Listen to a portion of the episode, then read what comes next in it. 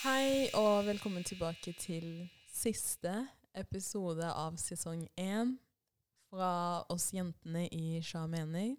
Vi ønsket å ta dere med, Siden det var siste episode, så ønsket vi å ta dere med litt tilbake til oppveksten vår og ting vi gikk igjennom, eller hvordan vi opplevde oppveksten vår. da.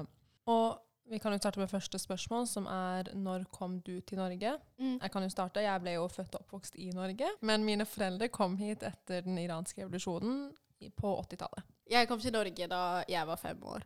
Mm. Og jeg kom til Norge når jeg var seks år gammel. Vi kom i 2003. Jeg og familien min. Mm. Hva var deres første møte med Norge? Eh, Familien min kom jo i september, og da var det snø. Øh, Og dette er bare historier som er blitt fortalt av de som møtte oss, da, eller de som traff oss i de første månedene. De sa at vi gikk ut med håndkle som tepper. For vi, vi ville være ute i snøen liksom hele pakka, og, og bare hva er dette her, liksom, selv om det er jo snø på fjellene i Afrika, som jeg hørte i etterkant. Men vi var jo så nysgjerrige på hva dette her var og hele pakka, så vi barna, da, vi var ganske unge, vi løp ut i håndklær og hele pakka. Men det var sånn vi hadde vårt første møte med Norge. Mm. Jeg husker det var iskaldt. Uh, kulde. Det er nok det første minnet. Og jeg husker det var en gang i april hvor Og april er jo når alle begynner å sole seg selv om det er ti grader ute. Uh, og jeg husker at de vi var med, de hadde kjøpt is, men jeg nektet å spise is fordi det var så kaldt. Og sånn er jeg faktisk. sånn, sånn er jeg når jeg kan gå i vinterjakke i april-mai. Liksom, jeg er ikke skam. Så kulde Kulde er noe av det jeg husker mest. Hvordan Sana, du er jo født her, så Og man skulle nesten ha trodd at norsk var det første språket du lærte å snakke, men var det det? nei, det var det ikke. De lærte meg farsi før de lærte meg norsk. Um, og hvordan den prosessen var, det, det husker jo ikke jeg. Jeg husker jeg spurte faren min sånn, hvordan klarte dere å lære meg to språk samtidig. Og han ba nei, vi kjørte på med farsi først og tok uh, persiske ord, og så etter hvert så starta vi å prate norsk og blanda det litt. Så lærte du deg det på den måten. Mm. Um, Gikk du i barnehage, eller? ja. Ja. Føler du at du kan morsmålet flytende nå, liksom? Uh, jeg f å, nå ble jeg skamfull. Nei, jeg føler at uh, begrep, enkelte begreper og ord har uh, At det renner ut for hvert år som går, og at min farsi var nok bedre fra når jeg var ti år enn det jeg er nå som 22, som er uh, litt skammelig. Men uh, jeg kan det jo fortsatt sånn sett flytende. Mm. Du da, Nemma, hvordan lærte Hvordan var ditt første møte med det norske språket? Jeg husker at jeg lærte norsk når jeg gikk i første klasse.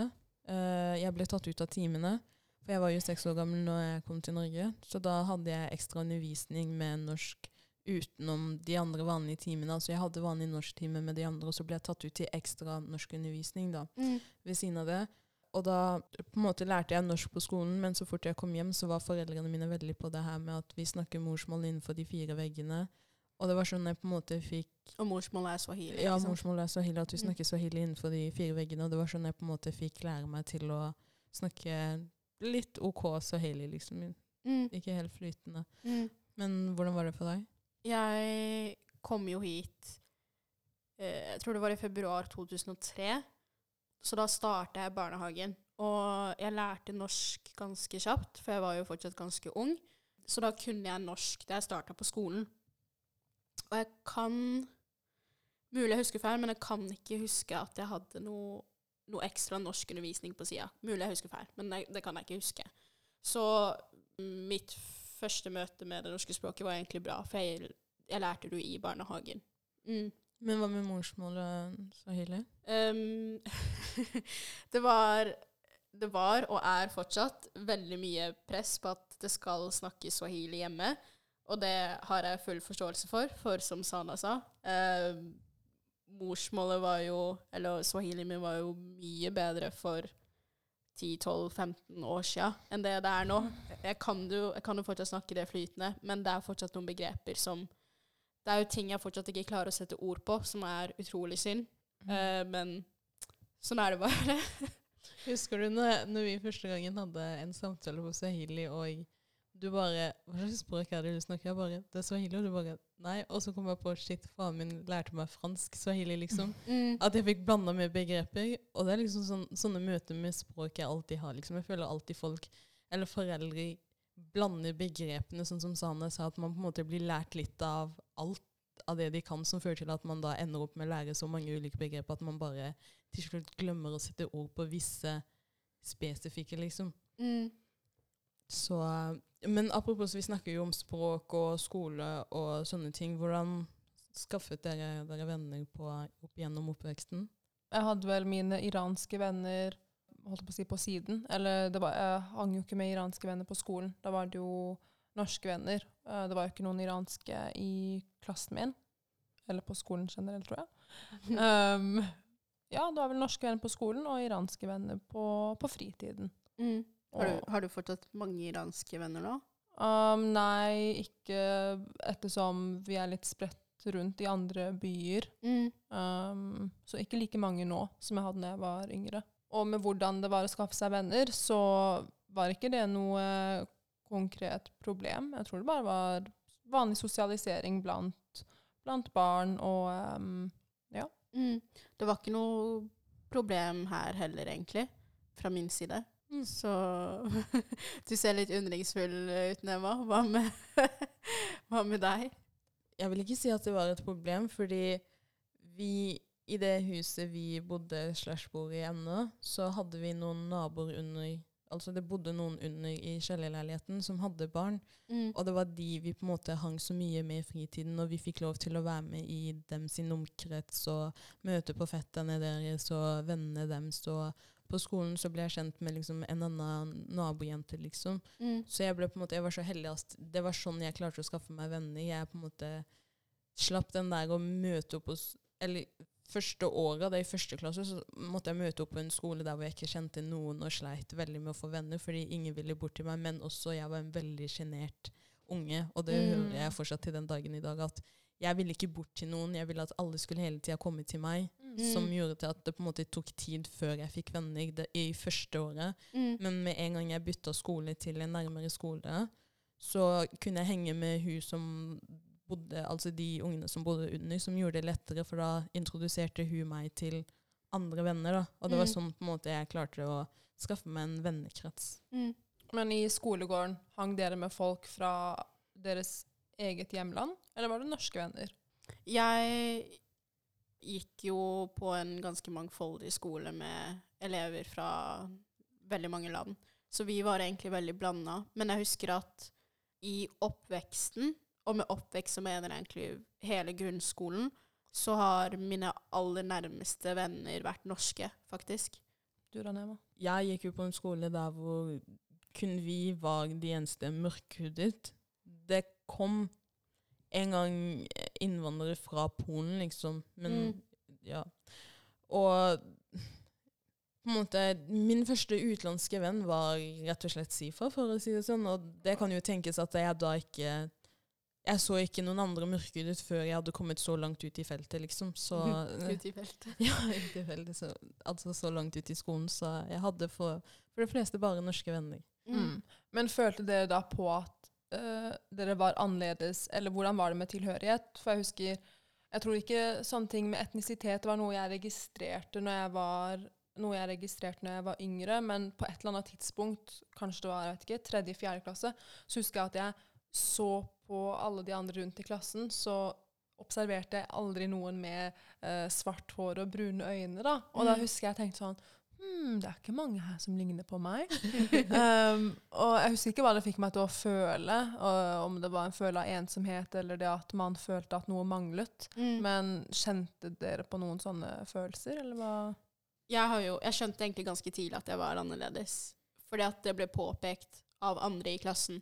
Og det her var uh, som oftest gutter som gjerne skulle kommentere hudfargen min eller nesa mi, hvordan jeg så ut og slike ting. Så jeg skjønte egentlig ganske tidlig at jeg var annerledes. Og mm, For det var det med hudfarge jeg skulle til å si. Hadde dere noen gang en lek der hvor de alltid sa 'De med hudfarge, kom over', og så var det sånn Når du gikk, så var ikke hudfargen din hudfarge, liksom. Hudfargen på den tiden var det å være hvit i huden, skjønner du? Det var Ja. det som hudfargebegrepet beskrev. Det tror jeg faktisk jeg husker. Det var sånn. Det var sånn Snakker dere om fisken i det røde hav? Ja, er, er det det Ja, det er Også- sikkert Er det det Ja, det heter? alle Også- fisker med hudfarge kom over. Var det det? Tuller du? Om jeg tuller? Sa de det? Ja, de Det sa det. Og når du går, så er det sånn derre ja, Hudfargefargen var den lyse. Ja. var Den- lyse, så sånn Ja. Du okay. har ikke hudfarge, og så er det sånn Jo, jeg har jo det. Jeg er jo brun i huden. Sånn, da, da får Og du det, sånn det er faktisk en sak jeg har kjempa veldig lenge for. Folk Hvor skal jeg starte? Folk må lære seg navna på alle fargene vi har. Vi har ikke en farge som heter hudfargen. Ok? Folk må lære seg det her. Og dette er spesielt til de som jobber med barn i barnehagen. Barnehageansatte. Hvis det er noen som lytter, vær så snill. Jeg husker det var en gang jeg var i praksis med en medstudent av meg, og vedkommende sa, vedkommende sa hudfarge istedenfor beige. Og jeg holdt på å klikke. Jeg sa ingenting, for jeg turte ikke. Selvfølgelig. Jeg har lært leksa mi. jeg skammer meg, men folk må seriøst slutte med det der. For vi, vi må lære å akseptere at det finnes mange hudfarger der ute, og det er ikke en farge som heter hudfarge. Punktum. For det var jo i de lekene jeg på en måte følte meg utenfor, at jeg bare sånn Shit, jeg er ikke, jeg er ikke som dere, liksom. Jeg har en helt annen hudfarge, og jeg blir på en måte ikke inkludert i denne leken bare fordi jeg ser annerledes ut. Og jeg tenker sånn, de var jo barn, så de mente jo sikkert ikke Og de var jo blitt opplært, og vi lærte jo på skolen, helt ærlig, hudfarge var beige. Du hørte ikke noe sånn Ja, brun er også en hudfarge, liksom. Man Mm. hørte jo aldri noe om det. Mm. Og det er jo det som på en måte brant seg sånn skikkelig fast igjen. Mm. At det var i, for det meste leker. At man følte seg utenfor. Men jeg føler også at en av de tingene som gjør at man føler seg utenfor, det er mobbing. Mm. Opplevde dere mobbing i oppveksten deres? Ja, jeg sa jo Jeg husker jeg nevnte det i den første episoden. Og jeg opplevde jo mobbing. Og det var jo mest pga. utseendet. Måten jeg så ut på. Og jeg husker at det var noen gutter som av en eller annen grunn alltid måtte påpeke at jeg, ja, at, som jeg sa, at jeg hadde stor nese, at jeg var mørk i huden, og kom med slang, kom, slang når den passa dem. Og det var jo selvfølgelig utrolig ubehagelig. Jeg husker Det her er egentlig sykt trist, men jeg husker at jeg pleide ofte å be til Gud om at jeg skulle bli hvit. Det er sånn før jeg la meg, liksom Andre barn ber jo liksom Fader vår og Takk for at vi har mat på bordet. Jeg bare Kjære Gud, please gjør meg hvit. det er jo selvfølgelig sykt trist, og Men Altså, jeg skjønner at jeg ikke er den eneste i verden som blir mobba. Det er jeg ikke. Men jeg følte også at systemet var lagt opp til at det ikke var plass til sånne som meg, hvis dere skjønner hva jeg mener. Hvis du, Man kunne f.eks. se i fagbøkene på skolen Man så aldri mørkhuda jenter. Altså bilder av mørkhuda jenter. Man så aldri illustrasjoner av mørkhuda jenter med krøllete hår.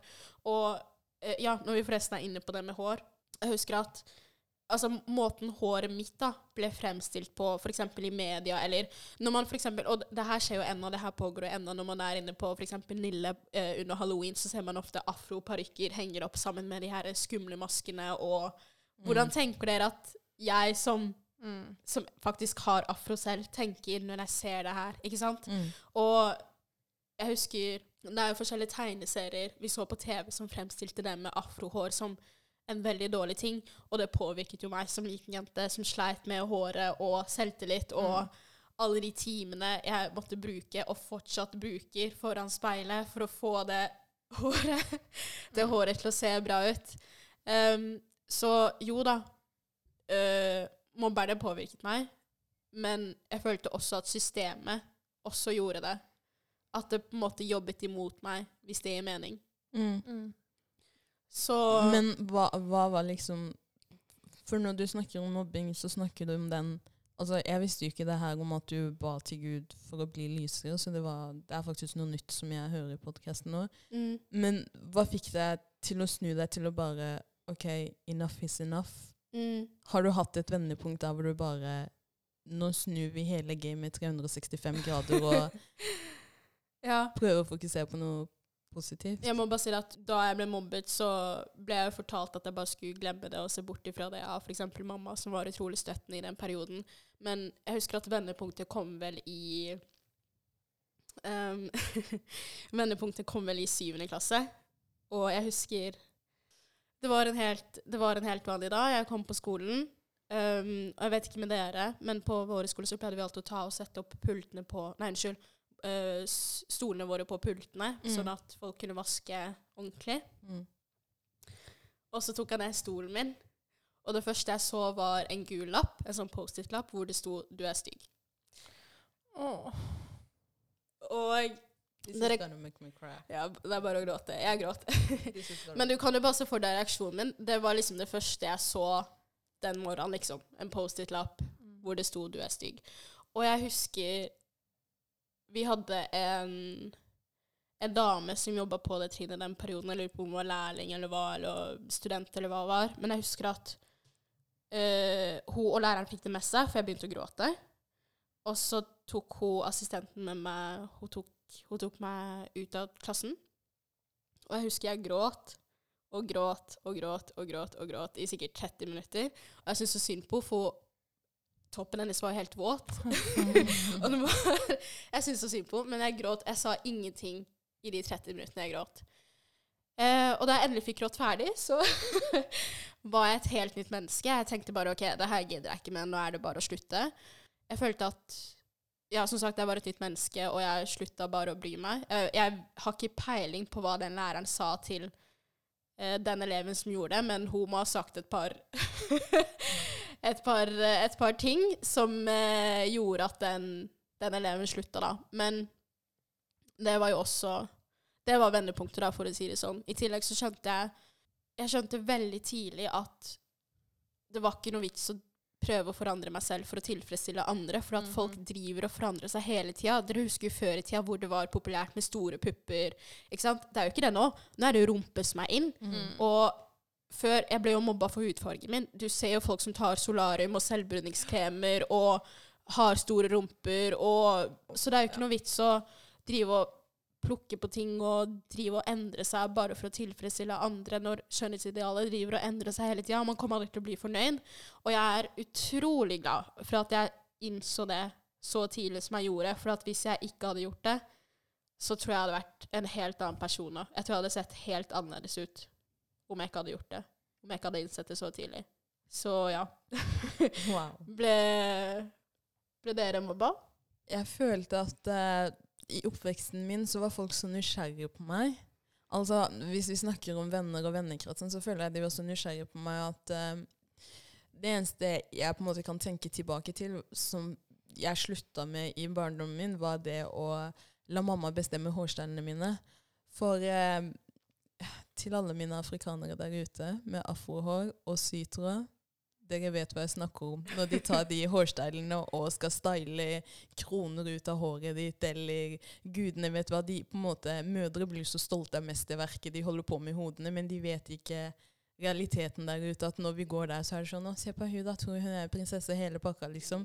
For det så ut det. Det ser ut som en tiara, liksom. Jeg husker at det var, det var liksom en av de få tingene jeg sluttet Men jeg hadde så gode venner rundt meg i barndommen og oppveksten min at jeg følte ikke på det med mobbing direkte. Jeg, jeg vil heller si at jeg opplevde mye mer rasisme fra andre utenfor. Mm. Og rasisme og mobbing for meg er ikke Jeg vil ikke si at det er det samme, liksom. Mm. For mobbing er når du blir mer attacket Eller ikke Mm. blir mer attacket, men at du på en måte føler en sånn skikkelig utenforskap innenfor uh, hvem du er som en person, da, føler jeg. Mm. Man kan jo trekke de samme linjene til rasisme, men jeg bare føler at måte, det der er på en måte skiller ut at jeg sier nei, jeg blir ikke mobba så mye i oppveksten min. Jeg blir heller utsatt for rasisme. Mm. Mm. Jeg ble jo ikke direkte Jeg vil ikke kalle det for mobbing. Jeg vil heller si at det var erting. Mm. For jeg føler grensen går jo på ett sted. Um, og eh, shout-out til alle jenter og gutter som har gått gjennom den emo-perioden som, de så fint, eh, eh, som det så fint refereres til. For det var det jeg gikk gjennom, hvor jeg uh, gikk med en del svarte klær og de typiske smykkene og eh, jeg vet ikke, sånn naglearmbånd, om dere husker de. Å jo. Eh, Ikke glem bildene. Kunstnere. Eh, de, det gikk jo jeg med, og det fikk jo jeg Jeg fikk en del dritt for hvordan jeg valgte å gå kledd. en del stygge kommentarer og hatefulle kommentarer. Og det gjorde jo selvfølgelig noe med meg. Jeg ble jo såret. Men etter jeg vil si etter en viss periode så ga det meg ironisk nok egentlig bare mer drivkraft til å fortsette å gå med akkurat de klærne. For jeg tenkte litt sånn Ingen skal fortelle meg hvordan jeg skal gå kledd, og, og hvem jeg er, og hvordan jeg skal få lov til å uttrykke meg. Um, Så på en ironisk måte så føler jeg at jeg fikk vel eh, litt mer livsgnist og selvtillit av det. Så um, jeg kjørte egentlig bare mitt eget løp, og føler at det gjorde meg sterkere i lengden. Eh, jeg skulle selvfølgelig ønske at jeg hadde eh, den selvtilliten jeg har nå, og det vokabularet til å kunne ha satt de folka på plass, for det gjorde jeg vel egentlig ikke. Eh, men jeg var jo hva da, 12-13 år gammel. Um, men ja, det er iallfall min erfaring med ikke da mobbing, men erting og utenforskap. Mm. Men uh, Sifa, hva følte du at mobbingen gjorde med deg?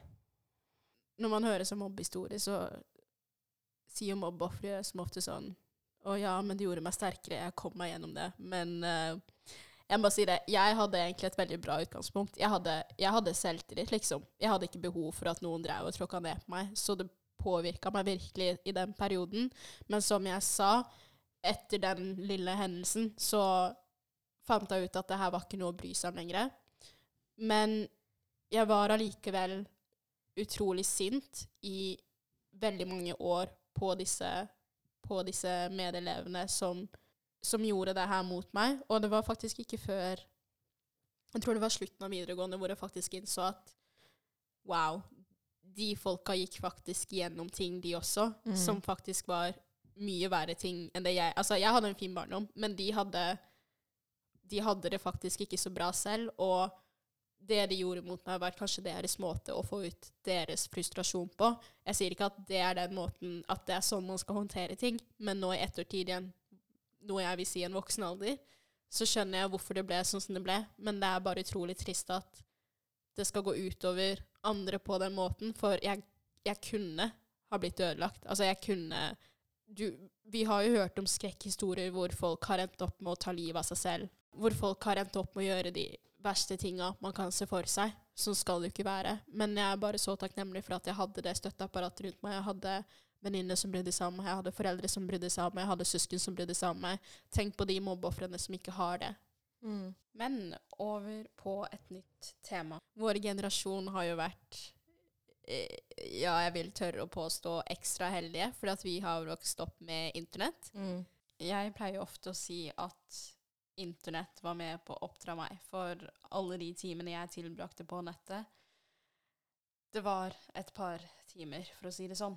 Hvordan var det for dere å være på internett? For, når var det dere starta, starta med å være på internett? Husker dere det? Jeg Tenker hadde du- Nettby. Ja, tenker du surfe på Ja, internett på internett, eller altså, sosiale medier? Ikke paint, ikke paint liksom, men internett som i MSN, var- Nettby, du sa Nettby. Pixo, Ja, jeg husker Nettby. Det så- var og Habbo. MSN. Ja. Oh, Jeg betalte penger for en Habbo. Jeg vet ikke om jeg husker Ja. man kunne gå til kiosken og kjøpe sånn. Og så kunne man ringe, bruke hjemmetelefonen til å ringe et sånt nummer, så fikk man sånn ekstra penger eller Altså, et eller jeg dør. Ja. Mm. Ja. Habbo, MSN og Nettby, det var det det gikk i. Når var det dere starta? Jeg tror jeg starta når Nettby kom ut. Sjette klasse, kan det stemme? Jo, jeg vil si det var femte-sjette klasse. Ja, det er egentlig utrolig tidlig. Ja, det er det. Det er veldig tidlig. Jeg husker jeg fikk min første mail da jeg var ti, ti år. Og da starta Ja, når jeg fikk mailen, så starta jeg å chatte på MSN, og så kom Nettby, og så eh, Habbo og Pixo. Husker du Pixo? De hjemmesider man kunne lage. Mm. Og det er flere ganger jeg har satt meg ned og tenkt Herre min, så mye dritt jeg la ut om meg selv og Mm, familien ja, så min. mye personlig Jeg- informasjon. La ut familiebilder. Jeg beklager, mamma og pappa. jeg la ut familiebilder. Jeg drev og skrev om ting jeg hadde opplevd. Og drev og chatta med venner. Heldigvis ikke fremmede. de lager Facebook-statusene sånn chiller'n med Ja. det. Ja, men når jeg driver og tenker tilbake på det, så savner jeg det faktisk.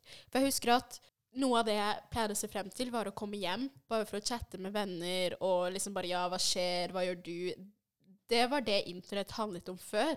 Nå er det mer sånn poste bilder på Instagram, vente og se hvor mange som liker. Nei, Vet du hva, jeg vil si dagens liv er, det er fake. Sosiale medielivet er så fake der ute. liksom. På en måte, du, de fleste da, de poster akkurat det de vil at folk skal se, mens i virkeligheten så er det ikke det, liksom. Ikke Mm. bare fake, men det er så mye dårlig, skadelig Mm. påvirkning der ute. Ja. Kraften som sosiale medier har, er eh, farlig og nesten skummel. Eller jeg vil si den er skummel. Den er skummel. Uh, og det er så mye som florerer rundt, og alle er jo på sosiale medier. Mm. Um, og jeg er veldig glad for at ikke vi, eller at sosiale medier, Instagram og Snap og alt det andre, at det Mm. var så stort som det er nå, uh, når vi vokste opp. For Mm. jeg, jeg vet ikke hvordan jeg hadde klart å håndtere Nei. det. det um, Nei. veldig glad for at det ikke var en del av vår hverdag. Ja.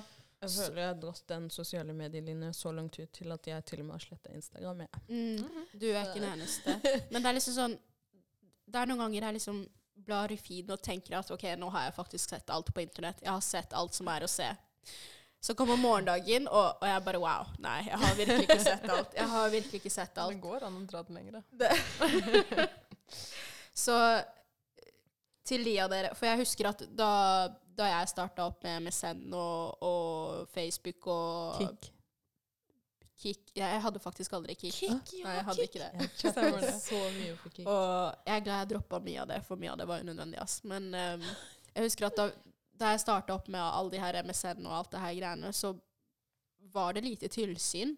Foreldrene mine visste jo aldri hva jeg holdt på med. Eller mulig de gjorde det uten at jeg visste det, men jeg følte ikke at de De hadde jo egentlig ikke noe oversikt over alle disse nettsidene jeg var, var på, og jeg takker bare Gud for at jeg ble skapt med den hjernen jeg ble skapt med, og ikke havna i, i samtaler med fremmede folk på nettet, for det kunne jeg lett ha gjort. Mm. Så jeg er så glad for at det er mer eh, nettvett og mer tilsyn, men jeg skulle ønske at det var mye strengere, for det er så mye dumt der ute som barn blir utsatt for.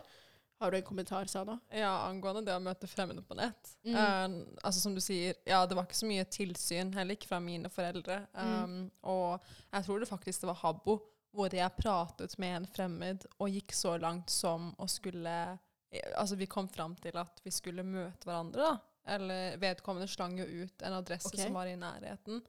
Og takk og pris, men hun eller han køddet med meg. Og uh, det var ingen som møtte opp. Men jeg husker jeg og venninna mi vi dro faktisk hele Å, veien ned til skolen for å herregud. skulle møte dette her mennesket. Men som jeg sier, takk og pris. Vedkommende trollet oss, og uh, vi møtte ingen. Og det viser jo hva internett kan føre til. Du kan Ja. jo faktisk uh, chatte med fremmede mennesker og finne på å skulle møte dem. Og tenk da, det er sånn seriemorder Men jeg føler at før var det litt mer uskyldig. Skjønner du? Mange visste ikke.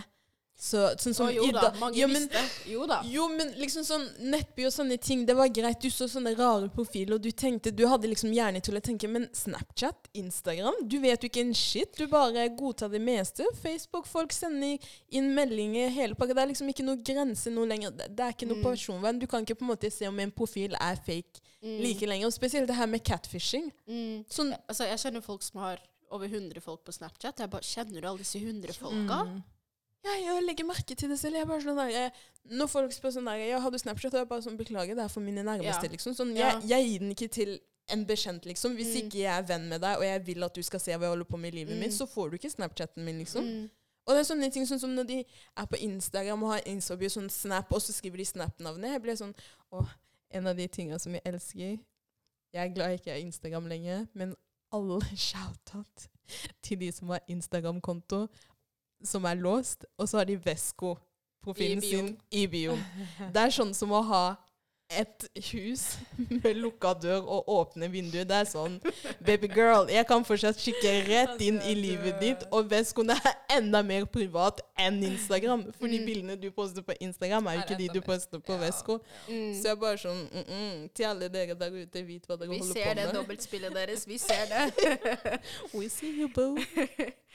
Nei, men internett er en morsom ting, altså. Det er en morsom ting, men også en farlig ting. Og Ja. jeg håper at folk eh, at til dere der ute som er på sosiale medier, at dere passer på å ikke bli for preget av det dere ser og leser hver dag. Eh, jeg skjønner at det kan være vanskelig, for man, man får jo ulike inntrykk, og man blir jo preget av ulike ting. Mm. Men husk at det er sosiale medier, og som, eh, som Nema nevnte, så er veldig mye falskt. Mm. Uh, man vet ikke hva som skjer bak lukkede dører og bak fasaden. Mm.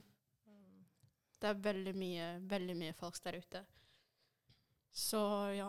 Skal vi dra det litt tilbake til enda mer i barndommen angående når Yeah. det her med besøk? Ja, folkens, fikk dere lov til å ha overnattingsbesøk? Det fikk ikke jeg. Gjorde du ikke? Nei, er du gal? Um, Fikk du noen Husker du- nei, unnskyld!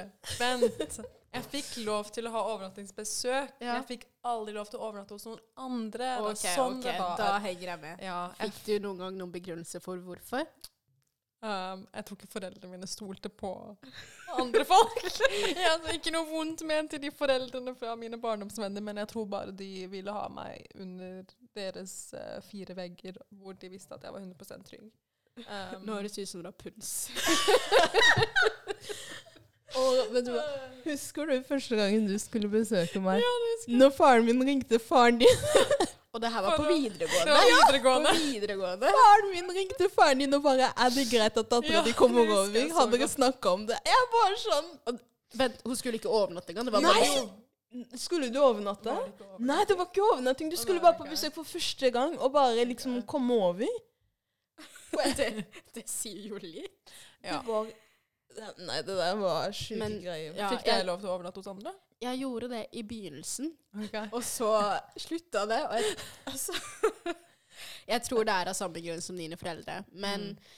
jeg fikk lov til å være med på f.eks. reiser og turer. Så jeg hadde en venninne som var eh, Familien hennes var veldig opptatt av friluftsliv og det med å reise rundt og se ting. Og jeg fikk alltid være med på sånne ting, noe jeg er utrolig takknemlig for. For jeg har sett steder jeg mest sannsynlig aldri ville ha sett. Vi tente bål og gjorde utrolig mye gøy som Ja, som jeg virkelig setter pris på Mm. ennå den dagen i dag. Mm. Utrolig mange gode minner. Mm. Jeg Du hadde, Nema? eh, jeg hadde en bestevenn som på en måte bodde i blokka rett ved siden av meg. Så Ja. hun fikk jeg alltid lov til å overnatte hos, og foreldrene mine kjente foreldrene hennes. Jeg ble på en måte som et reservebarn for de da. Så det var alltid greit for henne. Men om jeg skulle utenfor bygda, det skjedde ikke.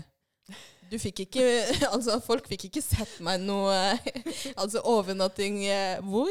Overnatting hvem? ja.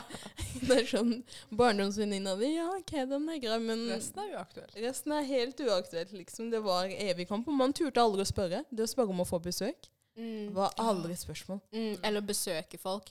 Og det er så morsomt, for at sånne ting er jo veldig Eller jeg har opplevd at sånne ting er jo veldig naturlig for norske barn, som det å overnatte eller eh, drive og dra hjem til hverandre uten å ringe foreldrene først, Mm, eller ifra. avtale. Det var liksom Men hos meg var det alltid sånn hvis du skal til noen, så må du si ifra. Gjerne en dag eller to eller tre før. Og Uke. en, uke, gjerne. Men det skjønte ikke mine norske venner. Så var jeg sånn, da de spurte bare Ja, Sifa burde med dit etterpå. Jeg bare «Åh, Hvorfor spurte du ikke om det i går? Det Vi visste ikke at vi skulle dra dit i dag. Hvordan kunne vi ha spurt om det i går? Jeg bare Ja, men du skjønner, bla, bla, bla, bla. Ikke sant? Mm. Så mm, for min del så var det Ja, akkurat den biten var veldig vanskelig, for det var mye, mye som var naturlig for dem, som ikke var naturlig for meg. Men dere, nå har vi egentlig prata om veldig mye, og tida flyr. Det er faktisk litt trist at dette er siste episode. Ja, i sesong én. Ja, i sesongen. Ja, i sesongen. Det eh, kommer en sesong to, folkens. Heldigvis. Heldigvis. Var det en spoiling? Jeg syns du kan få en liten uh, En liten smakebit. Ja.